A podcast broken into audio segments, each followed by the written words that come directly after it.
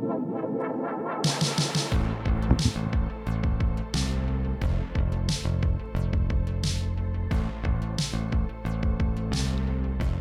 hører nå på Bibelprat med Kurt. Mitt navn er Asbjørn Smeland, og jeg sitter her sammen med Johannes Vålandsmyr og Kurt Hjemdal. Og vi skal ha en god prat om Matteus, kapittel 18. Og Johannes, Det skal vi. led oss i gang. Yes. Eh, Det første vi møter i kapittel 18, det er egentlig en ganske kjent scene. Det er når eh, disiplene spør hvem er den største i himmelriket. Og da har vi den eh, som det er laga mange kunstverker og bilder av, når Jesus tar et barn og seg og det, setter det seg foran seg. Og så sier han sannelig, jeg sier dere, uten at dere vender om og blir som barn, kan dere ikke komme inn i himmelriket. Den som gjør seg selv liten som dette barnet, han er den største i himmelriket. Eh, Så derfor Kurt eh, vender seg om og blir som et barn. Gjør seg liten som et barn, sier Jesus. Hva er det med barnet som gjør det så mottagelig for Guds rike? Får jeg lov å begynne med en liten sånn innledningsbemerkning om hele kapitlet? Ja, gjør det. For kapittel 18 er veldig interessant. Det er et kapittel om disippelomsorg, om sjelesorg, om dette med at vi har ansvar for hverandre. Eh, Noen har villet gjøre det til et kapittel om hyrdene, om lederne i menigheten. Det tror jeg ikke det er. Men jeg syns det er veldig interessant at her i hele kapittel 18 møter vi igjen et av disse lange taleavsnittene som Matteus har flere av. Vi har møtt det i bergprekenen og i disippelutsendelsen i kapittel 10.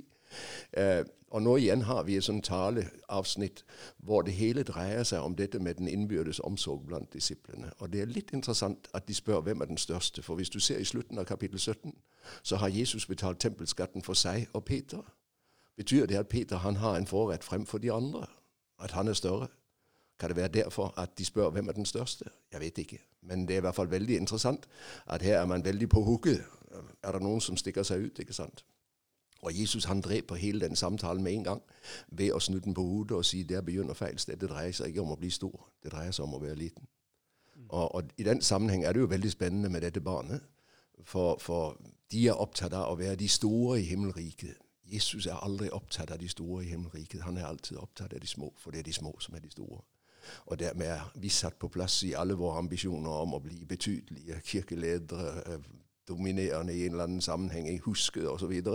Det sitter så dypt i oss. Nei, sier Jesus, glem det. Glem det. Det dreier seg om å være liten. Og i den sammenheng, hva er det som kjennetegner barnet? Det er hjelpeløshet. Barnet er ikke et eksempel fordi det er så veldig fromt, eller fordi det er så veldig troende. Jeg tror ikke det har noe med det å gjøre, men barnet er et eksempel fordi det er hjelpeløst. Det er lite. Og, og den som skal fordele i Guds rike, han må være hjelpeløs. For så lenge du kan selv, så lenge kommer Jesus ikke til. Mm. Det gir mening. Um, og så tenkte jeg på det siste verset i det avsnittet der. Så sier Jesus, og den som tar imot et slikt lite barn i mitt navn, tar imot meg. Hva, hva betyr det å, ta imot i noens navn? Altså, hva mener Jesus å ta imot i hans navn? Det er, sånn, det er på en måte en måte å formulere seg vi ikke bruker, på, bruker i dagligtale. Helt riktig.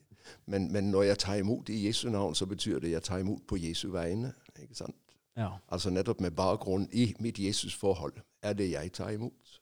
Og, og den som da altså på Jesu vegne tar imot et lite barn, han tar imot Jesus selv, for Jesus lar seg representere ved dette barnet. Du husker fra apostelgjerningene 9, når Paulus han er på vei til Damaskus, så møter Jesus ham og sier, Saul, Saul, hvorfor forfølger du meg? Han sier ikke, hvorfor forfølger du de kristne i Damaskus? Og så ser du altså en utrolig sterk identifikasjon mellom Jesus og dem som hører ham til. Og det å ta imot eh, i Jesu navn, det betyr nettopp på Jesu vegne, og det er ham selv som kommer. Vi sitter i Grimstad. Her har vi en tradisjon eh, fra et hundre år tilbake om barnevandrere som kom fra Vest-Agder, fra fattige hjem, og som ble sendt østover. Og jeg har ofte tenkt på det. Disse bøndene i Landvik som tok imot disse barna, jeg undres på om ikke de hører hjemme i denne sammenheng. For de ble altså tatt imot på gårdene, fikk mat og arbeid, og så klarte de seg sommeren igjen og kunne dra hjem igjen når høsten kom. ikke sant?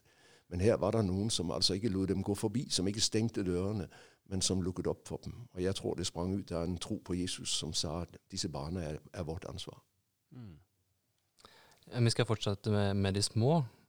Jesus sier jo Men den som lokker til fall, en av disse små som tror på meg, han var bedre tjent å få en kvernstein hengt om halsen og bli senket i havets dyp. Ved denne verden som lokker til fall. Forførelse må komme, men ved det mennesket som det kommer fra. Uh, jeg tenker på disse, mine, altså disse små som Jesus snakker om. Er det, er det troende barn? Er det disiplene? Hvem er det? Jeg tror du skal oppfatte det uh, om hele disippelflokken. For det er helt tydelig at i Jesu øyne så er disiplene det er de små. Salige de fattige i ånden. ikke sant? De små. Det er de, de som ikke er kloke i verdens øyne i Matteus 11. De er det han priser salige. Så de små, jeg tror først og fremst det gjelder disippelflokken. For det å være disippel, det er å bli liten. Fordi jeg blir så avhengig av Jesus. Og så gjelder det naturligvis både barn og voksne. Men, men, jeg tror ikke du skal tenke bare barn, jeg tror du skal tenke alle disipler. Disse mine små, det er rett og slett eh, jorden, det er sauene, det er disiplene. Så, så, altså bare altså alle, alle, folk som tror Alle som, alle som bekjenner troen, som hører Jesus mm. til, ja. Mm. Og så er det kvernstein, som man snakker om at det var bedre å få den rundt halsen og senkt på havets dyp. Det, det, er jo en ganske tung stein, så det, det, det er jo ganske åpenbart at eller er det åpenbart at uh, vil han heller at de skal dø? Ja, det er helt klart at Jesus sier det å forføre en av disiplene, det er så alvorlig at det bærer i seg den evige dom. Å føre hjorten bort, de som han har kjøpt med sitt blod, det er en forferdelig sak. Og derfor er det et forferdelig ansvar for alle som er med til å veilede og forkynne. For du kan altså bli en forfører istedenfor en leder, en fører. ikke sant? Disiplene skal lede til Jesus, de skal ikke lede bort fra ham. Og den som leder bort fra Jesus, han blir en forfører. For ham var det bedre å ha gått til bunns med en gang, mm. fremfor å måtte høste den evige tukt og dom av sin forførelse. Ja, det, det er harde ord. Det er, kraftig, det er kraftig kost, men det sier jo samtidig noe om hvor mye som står på spill. Mm. Eh, jeg tenker på det at vi lever i et samfunn hvor mennesker i dag ofte er lite verdsatt. Vi opplever det bl.a. nå i abortdebatten, hvordan det ufødte liv nærmest blir til, regnet til ingenting. ikke sant? Og det er jo nifst å tenke på at her har Gud altså skapt liv, og så kører mennesker det over og sier det er ingenting verdt. Mm. Og Jesus snur opp ned på dette og sier at et, et menneske er så dyrebart at det å forføre en av disse små, som jeg har gitt mitt liv for, det er øh, ødeleggende, det er knusende. Eh, og så uh, sier Jesus videre at um, om hånden eller foten din lukker deg til fall, så hugg den av og kast den fra deg, osv. Er dette en slags gjentagelse fra bergprekenen? Ja, vi har møtt det i bergprekenen i kapittel 5, det er helt riktig. Men det interessante er det du, som er forskjellen fra kapittel 5. For i kapittel 5, når vi møter uh, tilsvarende ord første gang, uh, så er det to ting som er annerledes. I kapittel 5 dreier det seg om hor. Her knyttes det ikke til hor, men til all som forfører, til alt som fører til fall. Så det gjelder all synd. Så Jesus forsterker på en måte det han har sagt i bergprekenen. Og samtidig i bergprekenen så er det din høyre hånd og ditt høyre øye. Her er det hvis hånden eller foten din i det hele tatt Hugg og av, kast fra deg. Og igjen er det billedtale. Naturligvis er det ikke meningen at du skal gjøre det, men så farlig er fristelsen. Mm. Fordi den kan ta fra deg det evige liv. Og Derfor er det bedre for deg å gå lemlestet eller halvt inn til livet enn å ha begge hender eller begge føtter og bli kastet i den evige ild. Og Så merker vi oss altså igjen, og jeg beklager, det er ikke noe jeg har funnet på. Men det interessante er jo hvem er det som taler om evig ild og helvete i Det nye testamentet? Det er ikke Paulus, det er Jesus. Det er Jesus. Så denne snille, milde Jesus som folk så gjerne vil ha til å klappe seg på skulderen og si alt er bra, jeg tror du er nødt til å lese en gang til og se hva som står. For han er altså ikke snill og mild bare. Han er nådig mot den som tar imot ham. Men den som vender ryggen til ham og er med til å forføre og føre vill, både de andre og seg selv, for her dreier det seg jo eh, om hånden eller foten din lokker deg til fall. Altså Der hvor jeg gir etter for synden, så står jeg dårlig til, og da er jeg virkelig avhengig av nåden. ikke sant? For uten den, så er det fortapelsen som venter. Det neste avsnittet, eh, vers 10-14, eh, begynner egentlig med det samme tematikken. Eller det er egentlig det samme som går igjen hele tida her. Eh, men her så blir jeg litt sånn i tvil igjen, Kurt, om er, Nå får jeg følelsen av at nå er det barn Jesus snakker om, og ikke nødvendigvis disippelflokken sånn generelt. Pass dere, for han sier han jo til disippelflokken, for å forakte en eneste av disse små, i vers 10. Og så kommer et, et par vers der. Det er liksom sliter litt med å skjønne logikken i det Jesus sier. For han sier for jeg, for jeg sier dere, altså han begrunner hvorfor eh, de skal passe seg for forakte, så sier han de har sine engler i himmelen som alltid ser min himmelske fars ansikt. Mens, og så kommer menneskesønnen er jo kommet for å berge de bortkomne. For hvordan henger det her sammen? Og hva, hvorfor er det eh, et argument at de ser englene, har sine engler som ser eh, Guds ansikt i himmelen, da? Jeg tror det er et argument fordi det er med til nettopp å si hvor viktige de er for Gud. Gud har satset enormt på dem. Han har rett og slett engler som følger dem, ikke sant, og som tar vare på dem. Og det da å forakte dem, det er å ringeakte det Gud setter høyt. Eh, og jeg tror det gjelder barna, men jeg tror fortsatt at det gjelder disippelflokken. Han sier det inn i disippelflokken, de er samlet. Pass dere for å forakte en eneste av disse små. Se deg omkring. Det er lett å tenke Philip, han er litt dum, ikke sant. Andreas, han har ikke oppfunnet kruttet. Og, og så ser Peter seg omkring, så ser Johannes seg omkring, og, og så ser han på de andre og har sine tanker om dem. Og Jesus setter på plass Pass dere for å forakte. Vi har lett for å forakte i Guds menighet. Og historien er vel full av vitnesbyrd om at noen blir aktet høyere, og noen blir aktet mindre. Jeg kjenner det fra min egen tanke og fra mitt eget hjerte hvor lett det er å tenke smått om trossøsken. Og, og, Jesus sier, 'Ikke gjør det. For meg er de like dyrebare'. Uh, jeg vet ikke Nå skal jeg få lov å være litt enfoldig. Jeg vet ikke hvilken plass du regner med å få i himmelen hvis du ved Guds nåde kommer dit. Jeg er helt sikker på at jeg får plass veldig langt nede, for det er så mange små som skal før meg. Og, og jeg tror det har med det å gjøre at jeg har altfor mye stolthet i meg. Herren er nødt til å la meg få lov å sitte langt nede. Uh, vi, vi, vil så lett forakte, og Jesus sier ikke gjør det. For, for hver eneste av dem er dyrebar. Mm. Og det trenger vi virkelig å ta til oss, for det sitter tungt. Mm.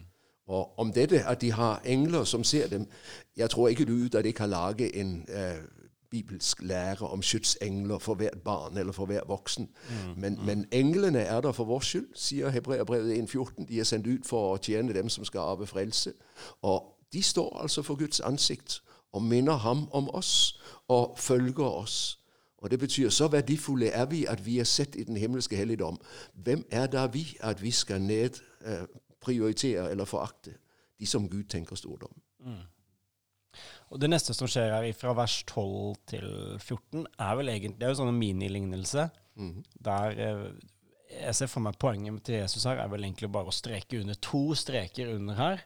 At disse er superviktige. At han, eh, gjeteren da vil gå fra de 99 for å finne den ene. Det er jo veldig interessant at vi her møter den samme lignelsen som i Lukas 15. ikke sant?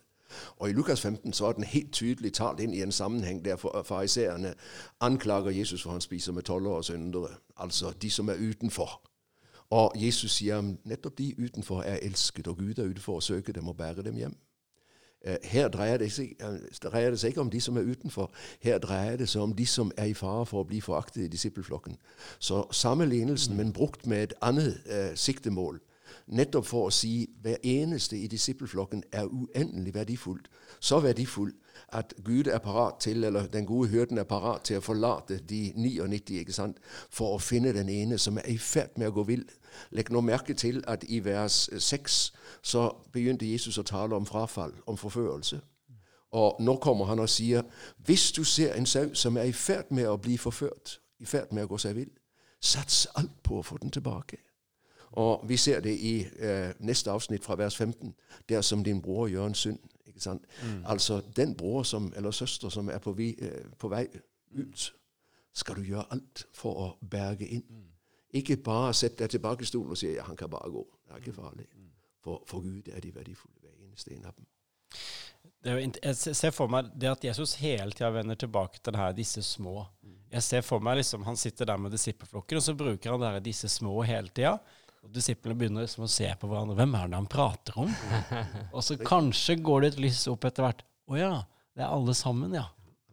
Vi er egentlig ikke noe større enn den andre. Nei, Helt riktig. Og nettopp med utgangspunkt i vers 1. ikke sant? Hvem er størst?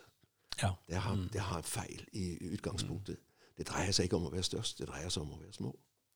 Vi kommer tilbake i et annet kapittel her om eh, når de her eh, brødrene, eller mora kommer på vegne av brødrene og spør, så det, da skal vi få mer om dette her. Hvem, hvem er den største i himmelriket? Men det, det, det, at det dukker opp så ofte, er jo et uttrykk ja. for at Jesus ser at her er vi alle utfordret. For det er så lett å sette seg på den høye hest i disippelflokken. Og du har misforstått hva det dreier seg om når du gjør det.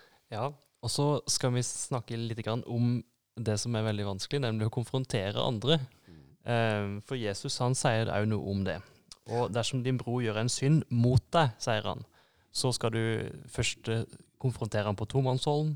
Hvis han ikke er med da, så, så skal du ta med deg to eller tre andre, og deretter hele menigheten. Er det, er det en slags sånn en Er det Jesus sier her, er det egentlig at du skal løse ting på lavest mulig nivå? Det er det. det er det. Og det er jo veldig interessant. Han sier ikke 'dersom din bror gjør en synd'. Legg merke til 'mot deg'. Det står i parentes, for det står ikke i alle håndskriften. Så det er ikke Ja. sikkert det har stått der opprinnelig. Men uansett, der som din bror gjør en synd, enten det nå er mot andre eller mot deg, ikke forhold deg passiv. Eh, ikke heng ham ut. Ikke si 'jamen, det der er prestens ansvar'. Mm. Gå til ham. Mm. Og ikke med løftede pekefingre, men her er det hele veien omsorgen som preger avsnittet. Det dreier seg om å berge de som er i ferd med å miste livet og miste gudsfellesskapet. Og de er så dyrebare at kjærligheten driver meg til å våge å satse mitt behag. Uh, gå ut av av komfortsonen, som vi så ofte sier i dag, og våge å møte dette mennesket og si 'min venn, jeg er bekymret for deg'. Ja. Hva er det du holder på med? Men når, du snakker om at det, at når Jesus snakker om at det er en synd mot deg, hva slags type synd er det snakk om her? Ja, det kan være alt mulig. Ja, det kan være Jeg tenker på alle de arveoppgjør som endte i krangel og Ja. advokatmat. ikke sant? Jeg tenker på de som sa noe negativt om en annen, eh, og så gikk ryktene. Eh, de som tok noe som ikke var deres, enten det nå var en plass eller det var en ting. ikke sant? Så, så jeg tror det kan være hva som helst. Men der hvor det blir noe som skurrer, ikke la det ligge. Ta det opp.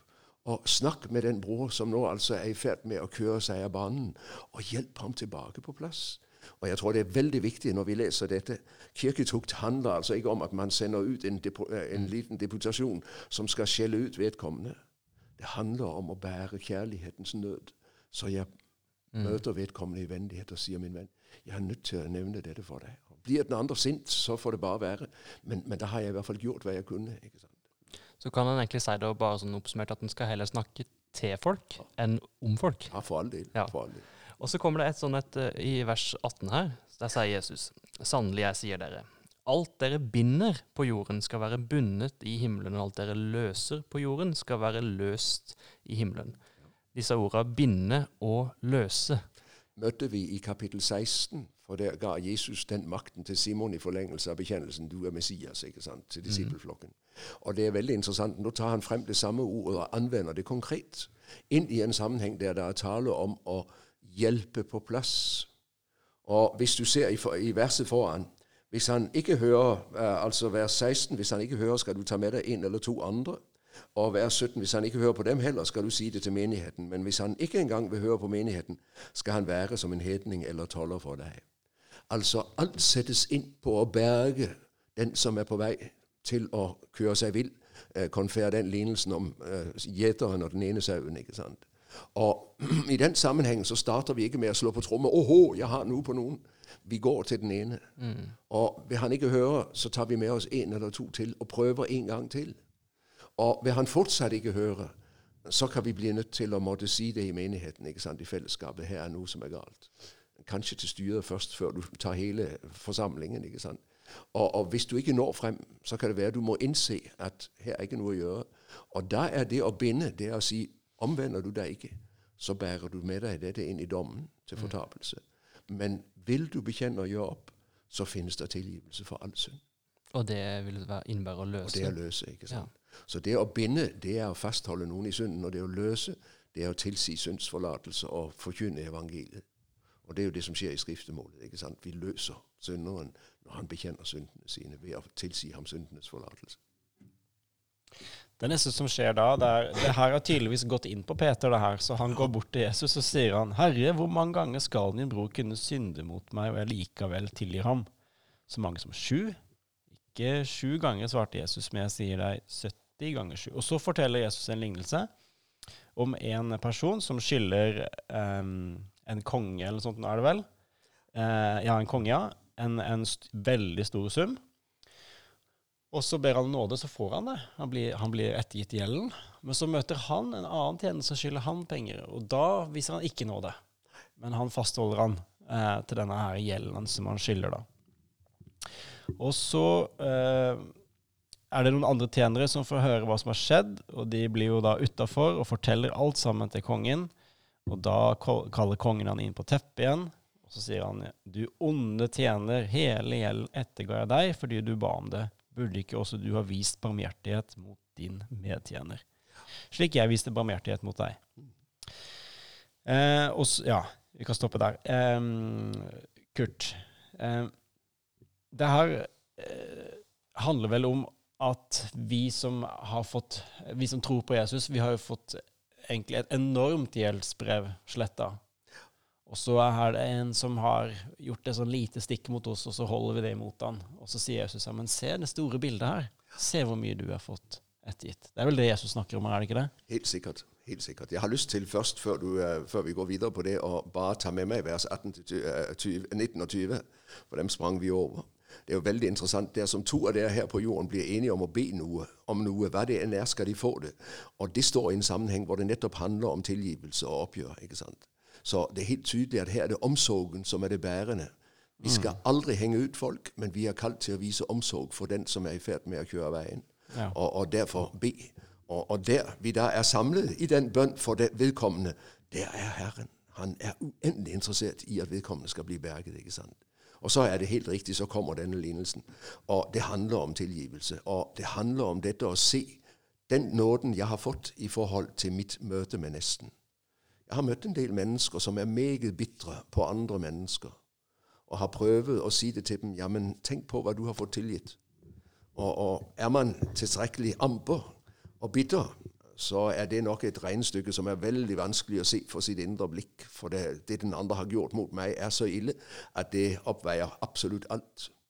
Eh, I ettertankens lys, når du har roet deg ned, ja, sett deg ned og se over hva har jeg fått tilgitt. Og i vårt møte med hverandre så er vi kalt 'salige er de barmhjertige'. ikke sant? Barmhjertigheten bør være grenseløs, for jeg har selv møtt den grenseløse barmhjertighet. Mm. Og det sier jeg til Vi er alle fristet til bitterhet fordi noen har tråkket på oss. Og det er fryktelig når folk kjører over et menneske, når du tråkker et menneske ned i, i sølen. Én uh, ting er uh, små fornærmelser og sånn, men jeg tenker på mennesker som har opplevd f.eks. incest. Som har opplevd å bli ramt i hele sitt sentrale menneskeverd av et annet menneske som har brukt meg som en skuerfille og kastet, meg fra seg. Vi skal tale varsomt om tilgivelse. Mm.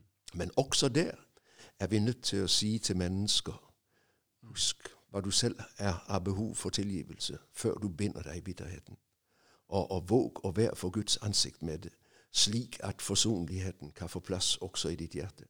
Og, og, og, du kan begynne å skjønne at jeg har fått det betyr ikke at jeg skal tilgi lettvint, for all del. Og har, vi har vel snakket om det før.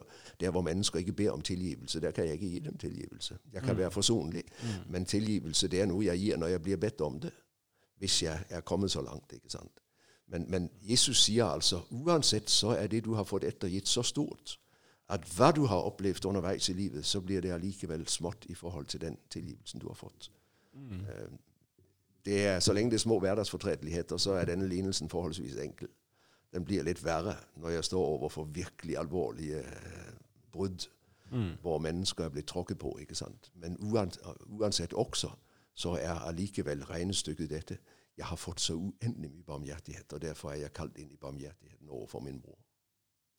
Det siste eh, vi skal ta opp i kapittel 18, det er noen vers her som tegner kanskje et litt sånn uh, Mange vil oppleve litt sånn uh, skrekkelig bilde av Gud her. For der står det Det er jo slutten av denne lignelsen vi har vært inne på. Og Herren ble sint og overlot tjeneren til å bli mishandlet av fangevokterne til han hadde betalt hele gjelden. Slik skal også min himmelske Far gjøre med hver og en av dere som ikke av hjertet tilgir sin bror. Og det virker jo helt fryktelig her. Og, og, og ser for seg Gud som en fangevokter som mishandler fangen. Det er jo helt sånn sadistisk derfor, opplegg. Derfor, er det jo veldig viktig å huske at lignelser er lignelser. Ja. At de må aldri presses. Det er en fortelling. Det er en fortelling om en konge. Og den kongen, han, eh, ut fra datidens eh, praksis, så kan du regne med at det fantes ingen konger som ikke lot fangevokterne mishandle. Tenk på Paulus og, og, og Silas, som ikke bare ble mishandlet av fangevokteren, men av byens ledere, som lot dem piske. ikke sant? Så, så, dette med at fanger ble pisket og ble torturert, det var vanlig. Og Jesus blir i et bilde som samtiden kjenner. Men det sier ikke noe om Gud i denne sammenheng, for det er jo ikke et bilde om at Gud dermed driver og torturerer. Eh, samtidig så er det noe her som er anstøtelig. Dette med den evige fortapelse. For det er klart det er en fryktelig tanke. Og, og det altså at Jesus selv er den som sier at Gud lar mennesker gå fortapt, det er en tøff sak som vi ikke kan snakke lett om. Og som Bibelen samtidig fastholder. Mm. Ja, dette var Matteus kapittel 18. Vi ser fram til kapittel 19.